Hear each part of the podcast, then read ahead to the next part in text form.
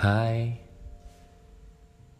balik lagi sama gue, IND, di episode uh, Unemployed Diaries kali ini.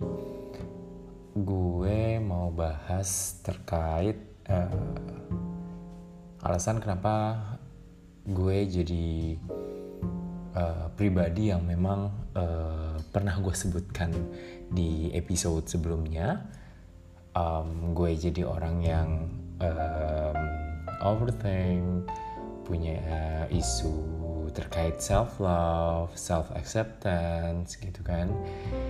Um, dan gue juga di uh, podcast sebelumnya pernah juga nyebutin kalau gue pernah kena depresi yang lumayan uh, dalam di tahun 2019 jadi kayak tahun 2019 itu buat gue adalah uh, titik di mana gue mencari lagi uh, diri gue itu siapa gitu loh. Jadi kayak gue punya motivasi untuk menemukan atau untuk mencari tahu sebenarnya gue itu siapa sih gitu. Seorang uh, IND itu siapa sih? Jiwanya IND itu siapa sih? Apa sih? Gitu kan. Dan itu semua berawal dari depresi yang disebabkan oleh kekecewaan yang besar terhadap diri gue sendiri sih. Nah oke, okay. uh, eh, lu semua percaya nggak sih kalau misalkan kita adalah produk proses diri kita yang yang saat ini adalah produk dari proses yang kita udah jalanin sebelumnya dan uh, diri gue di tahun 2019 itu yang uh, punya banyak isu itu uh, setelah gue mengalami depresi dan gue cari-cari tahu lagi ternyata memang uh, ada peristiwa-peristiwa masa kecil gue yang mempengaruhi gue dan itu membentuk personality gue pada saat itu. Um, gue gak tahu itu personality atau karakter yang jelas itu menjadi suatu sifat dasar gue yang uh, memang karena gue bawa dari gue kecil. Dan itu disebabkan oleh peristiwa-peristiwa yang memang uh, terjadi di masa gue kecil dan itu nempel banget. Tapi sebenarnya gue bu itu bukan bawaan. Itu bukan bawaan itu proses gitu. Kalau uh, high sensitive person gue nggak bisa uh, sifat gue yang high sensitive, person itu gue nggak bisa nggak bisa uh, klasifikasikan itu sebagai sebagai produk proses karena itu bawaan dari uh, yang ciptain gue. Oke, okay. uh, gue yang overthinking uh, punya self love issue dan self acceptance itu berawal dari parenting nyokap. Gue udah sebut, uh, gue udah pernah jelasin background nyokap gue seperti apa. Uh, di sini gue mau bahas masa gue kecil itu ternyata uh, jadi inner child gue yang lumayan lumayan toxic buat diri gue sendiri. Uh, inner child itu adalah sekumpulan peristiwa yang memang terjadi di, masa kecil dan itu ngebekas di lo. Kalau di gue, gue aware kalau gue itu uh, punya isu-isu itu di tahun 2019 dan hal tersebut yang menyebabkan gue kecewa sama diri gue sendiri. Kenapa gue selalu mengutuk gue mengutuk diri gue pada saat itu uh, ketika gue sadar kalau gue itu overthinking, kalau gue itu punya self love issue, kalau gue itu punya self acceptance issue. Dan gue mengutuk diri gue sendiri, gue menyalahkan diri gue sendiri pada saat itu sehingga yang gue dapet hanya kekecewaan sama diri gue dan akhirnya gue jatuh ke depresi yang lumayan dalam dan dan beberapa bulan gitu. Itu berkutat di situ aja karena gue belum dapet gue belum nemu jawabannya. Dan pada akhirnya gue nemu jawabannya adalah inner child. Dan inner child itu adalah uh, diri gue yang membohongi diri gue sendiri gitu. Dan gue juga bingung konsepnya cuma gue yang gue rasakan seperti itu. Jadi uh, gue yang overthinking ternyata uh, datang dari kejadian yang gue ingat sampai sekarang. Jadi kayak uh, gue bisa merasakan ekspektasi nyokap gue gitu loh. Dan gue bisa uh, gue bisa merasakan uh, ekspektasi nyokap gue ke gue ataupun ke anak-anak lainnya gitu kan. Terus gue waktu itu pernah melakukan kesalahan. Gue pernah melakukan kesalahan uh, ya banyak hal ya. Anak kecil banyak melakukan kesalahan gitu kan. Kayak misalkan gue uh, mau main sama teman-teman gue pulang-pulang baju kotor dan uh, end up dengan pukulan gitu. Atau gue bawa pulang uh, nilai jelek itu end up dengan pukulan.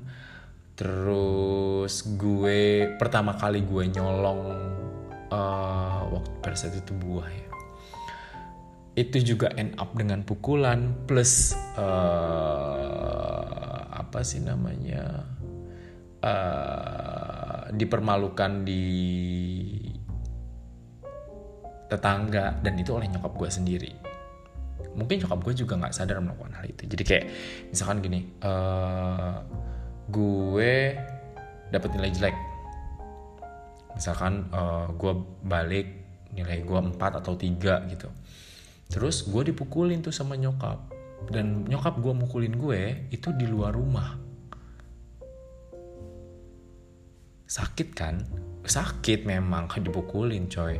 Sakit dan uh, sambil memukuli gue tetangga gue kan ngeliatin. Tetangga gue ngeliatin dan uh, nyokap gue tuh trying to explain them why she beat me. Ya dijelasin lah tuh. Gue malas belajar gue ini gue itu dan akhirnya nilai gue jelek dan nyokap gue kayak oh percuma aja saya uh, ajarin apa segala macam ini. Dan dia explain to tetangga gue. Uh, ini gue yang ngomong gue sebagai anak ya. Eh gue sekarang umur gue udah udah 30 something. Jadi kayak gue memposisikan diri gue pada saat itu gue merasa kayak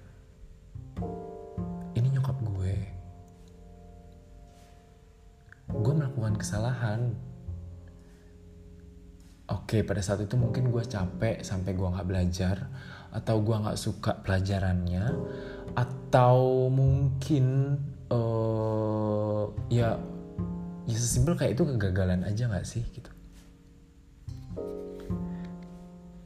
Tapi kenapa end up-nya sama pukulan gitu loh?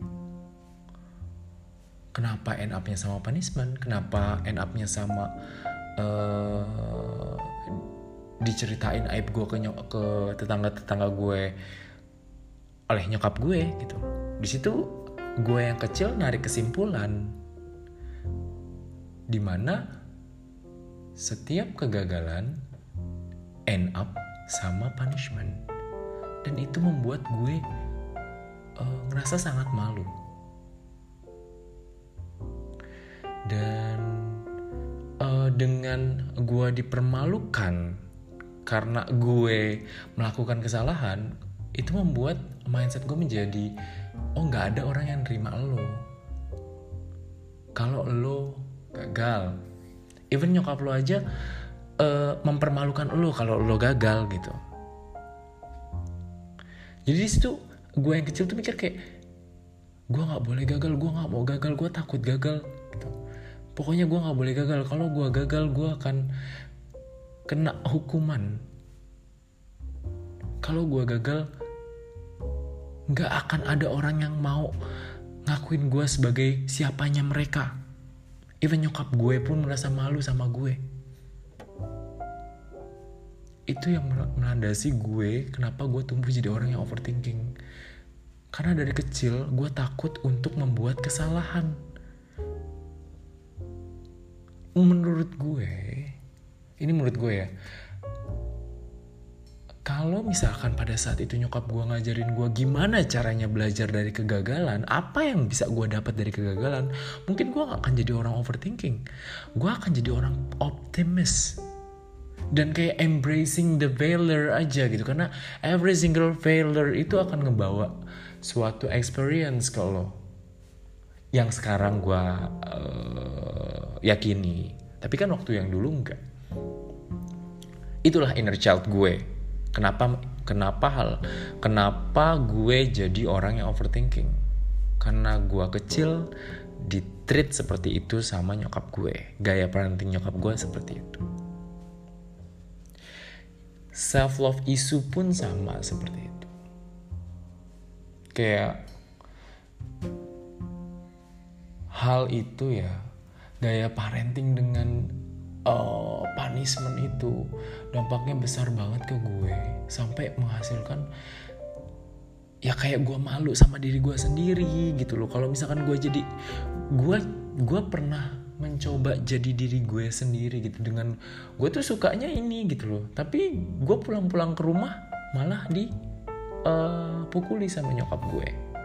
Gue suka main gitu loh tapi kenapa gue kena dipukuli kenapa gue eh, nggak uh, boleh melakukan hal yang gue pengen gitu loh?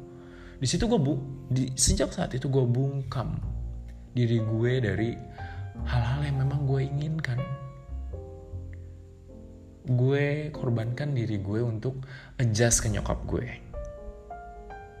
Dan pada akhirnya sekarang bukan sekarang maksudnya pada saat itu ya sebelum sebelum depresi berat itu ya gue selalu mengadjust diri gue ke orang lain untuk gue bisa diterima.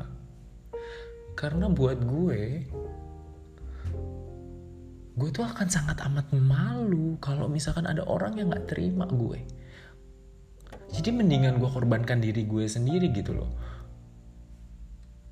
Yang penting gue diterima sama sama di di part work life, di part family life, di part uh, love life, gue selalu ngelakuin hal itu pada saat itu. Dan pada akhirnya 2019 datang. Itu mantan pertama gue.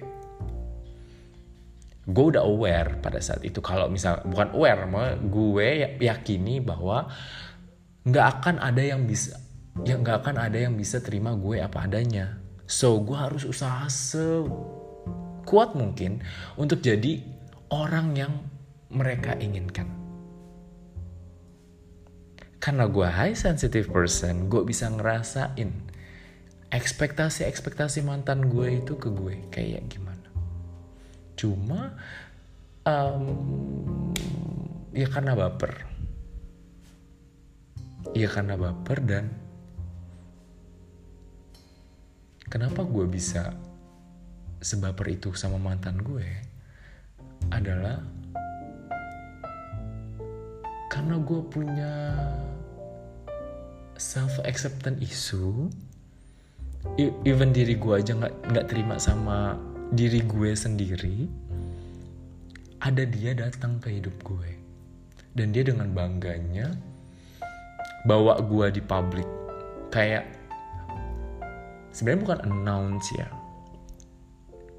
Uh, lebih ke kayak ya dia dia gandeng gue dia ya pokoknya gue ngerasa kayak dia nerima gue lah. Dan itu yang membuat gue baper banget sama dia. Dan pada saat itu gue uh, makin termotivasi untuk faking makin termotivasi untuk faking.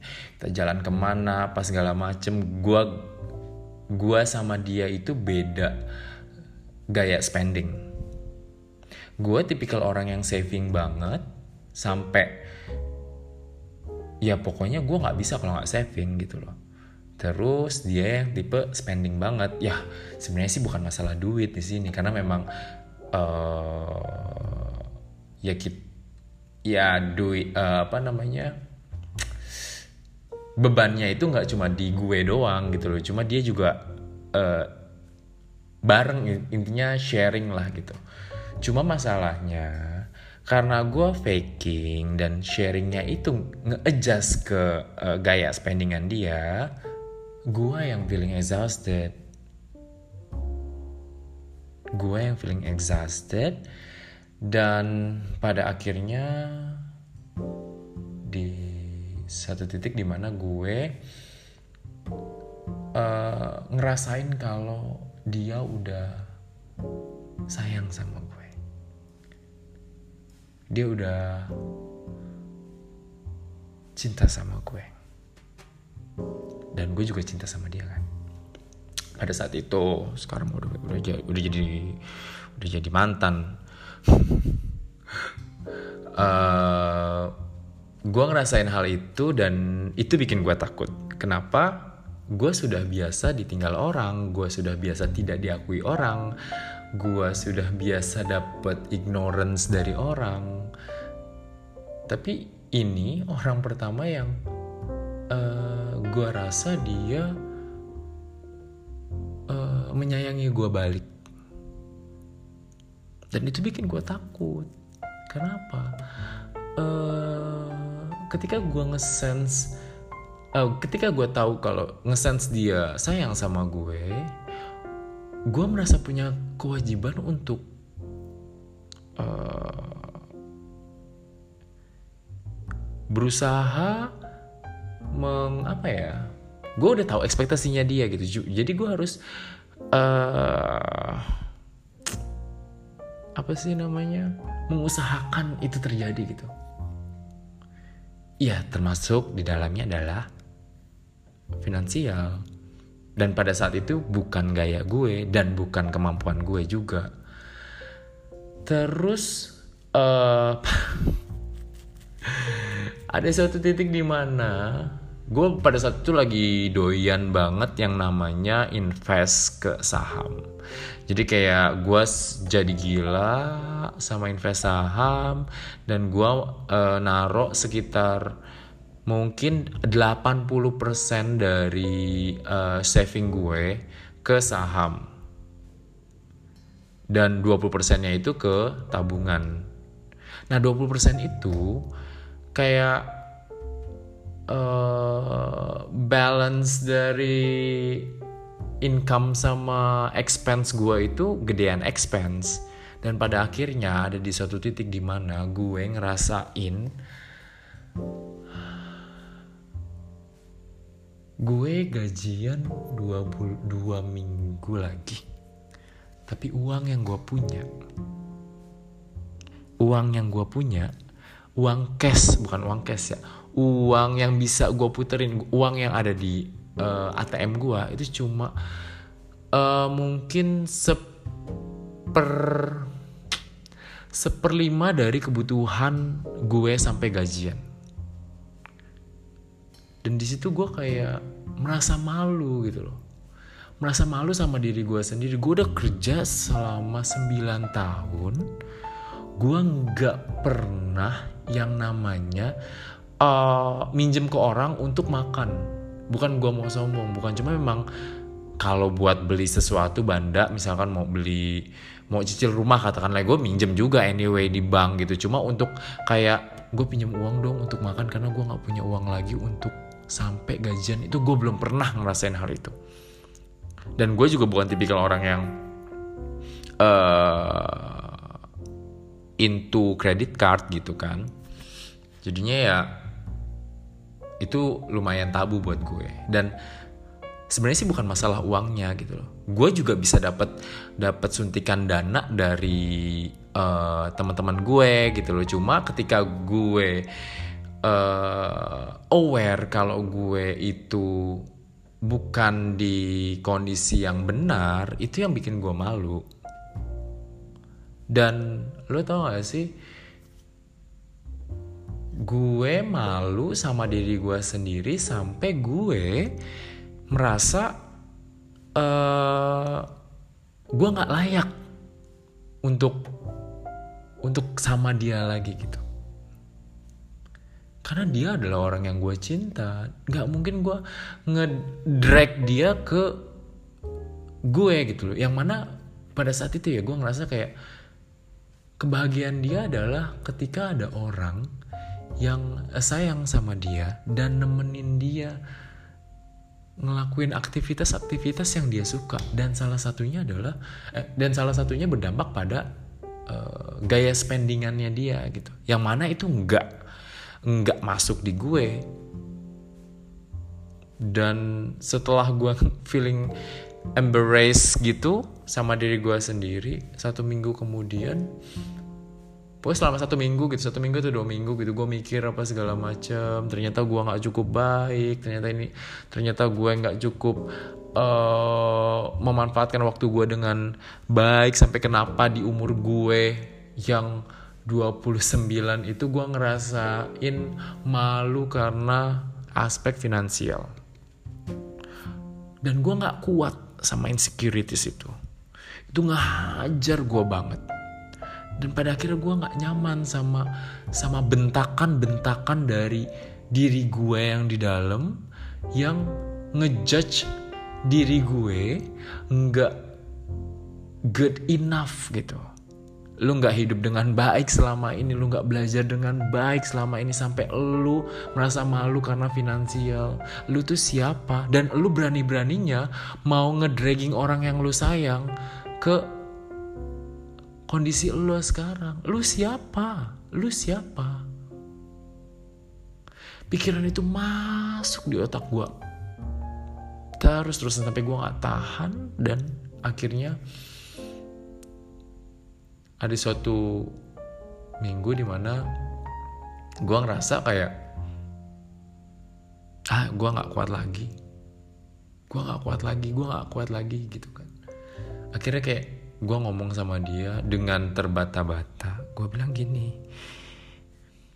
kayaknya aku udah nggak bisa bikin kamu bahagia lagi deh. Kayaknya kalau kamu sama aku kamu nggak bisa bahagia deh. Karena aku ada masalah. Gue nggak jelas tuh ngomong masalah finansial ke dia. Karena itu bikin kalau gue ngeluarin kata-kata itu tuh gue merasa kayak gue malu banget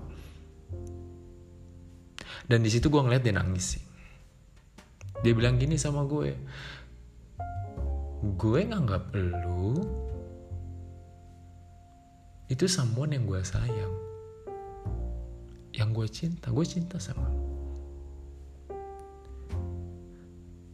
dan kenapa ketika lu ada perma ada ngerasa uh, masalah finansial kenapa lu nggak ngomong sama gue? Dia bilang gitu kan. Tapi kalau misalkan lo mau kayak gitu ya udah.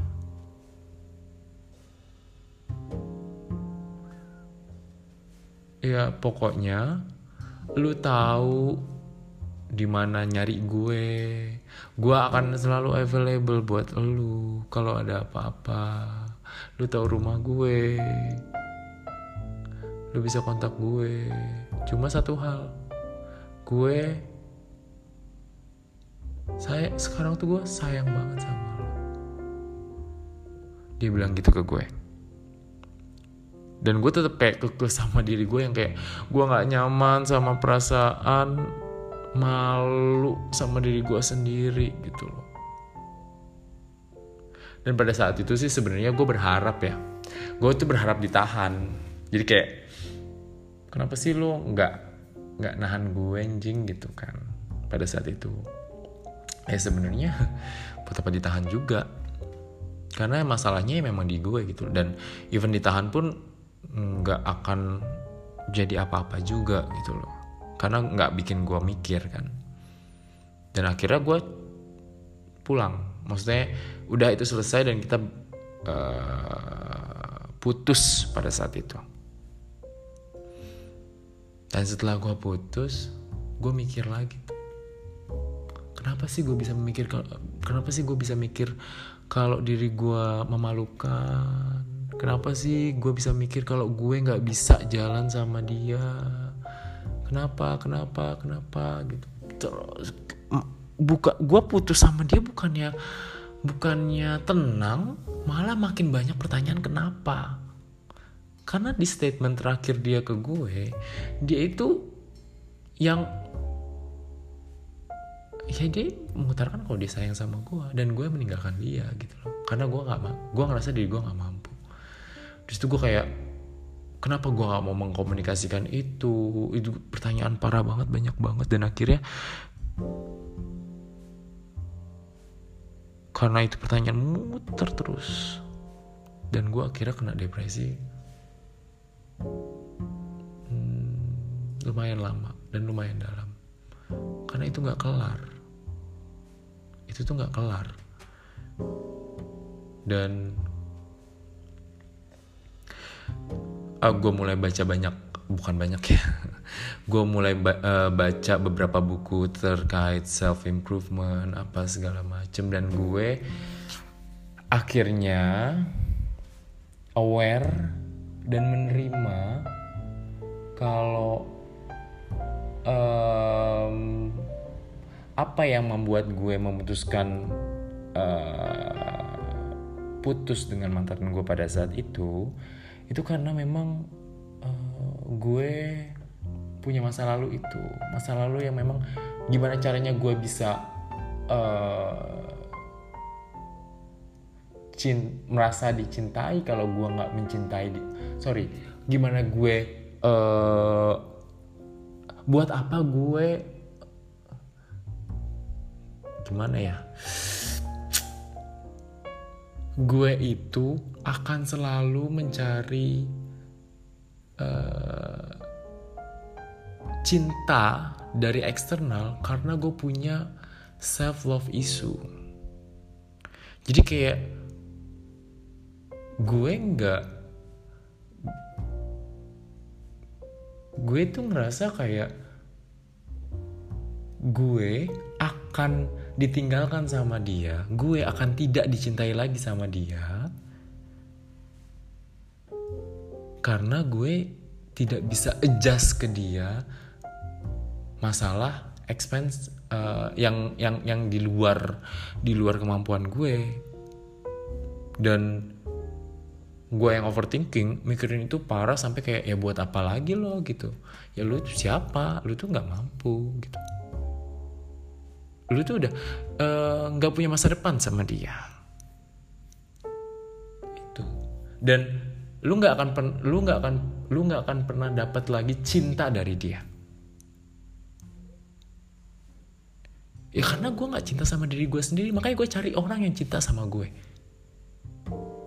Untuk nutupin lubang itu. Dan overthinking gue juga parah juga sampai mikirnya aneh-aneh. Nggak ngomong nggak komunikasi apa segala macam langsung minta jump into conclusion ya udah udah gitu. Udah kita putus aja kita nggak bisa lagi jalan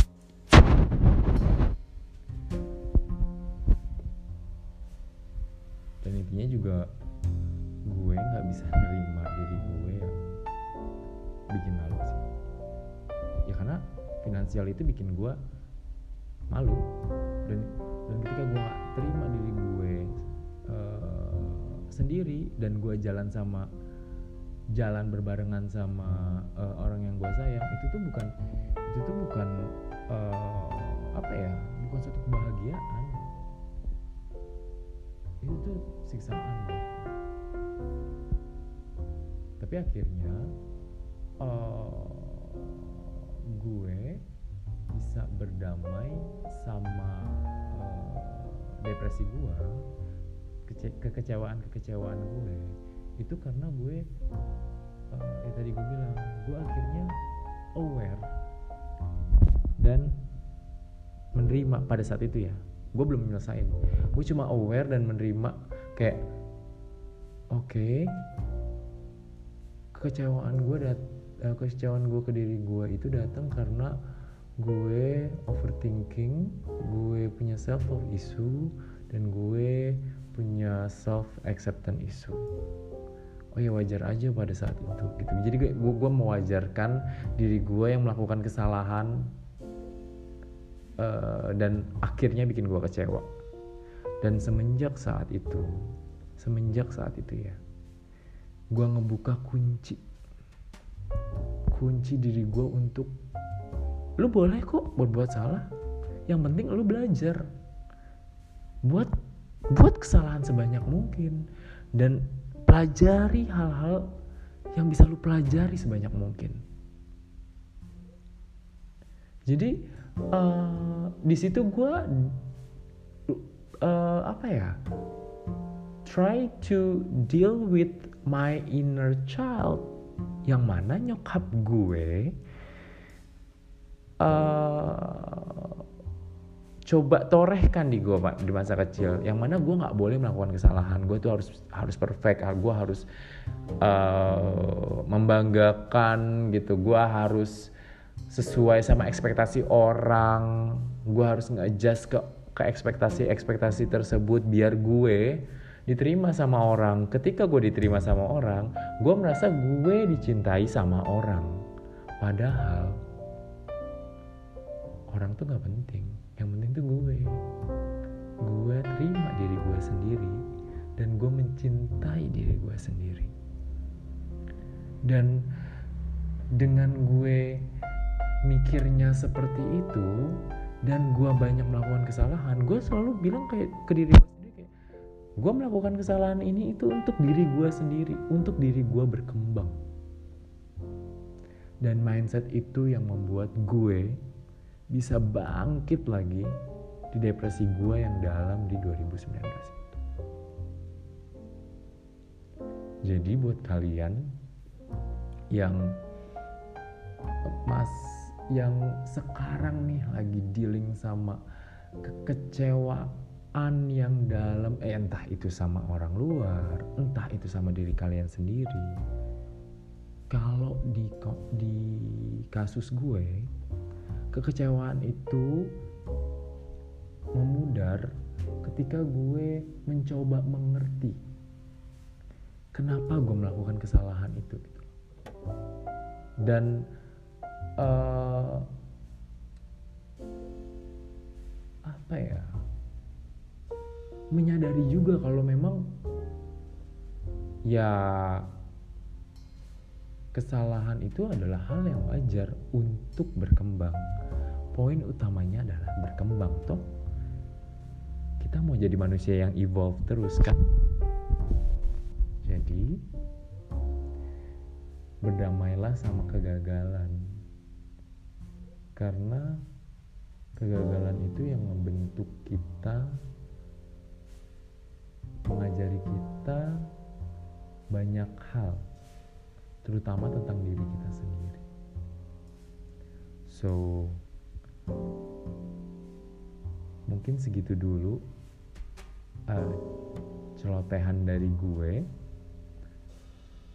Semoga hal ini bisa uh, membantu kalian kalau misalkan kalian ada di kondisi yang memang pernah gue alami.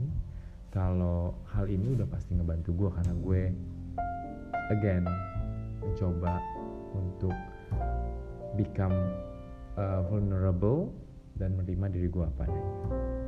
Bukan apa adanya. Menerima diri gue yang cuma gue.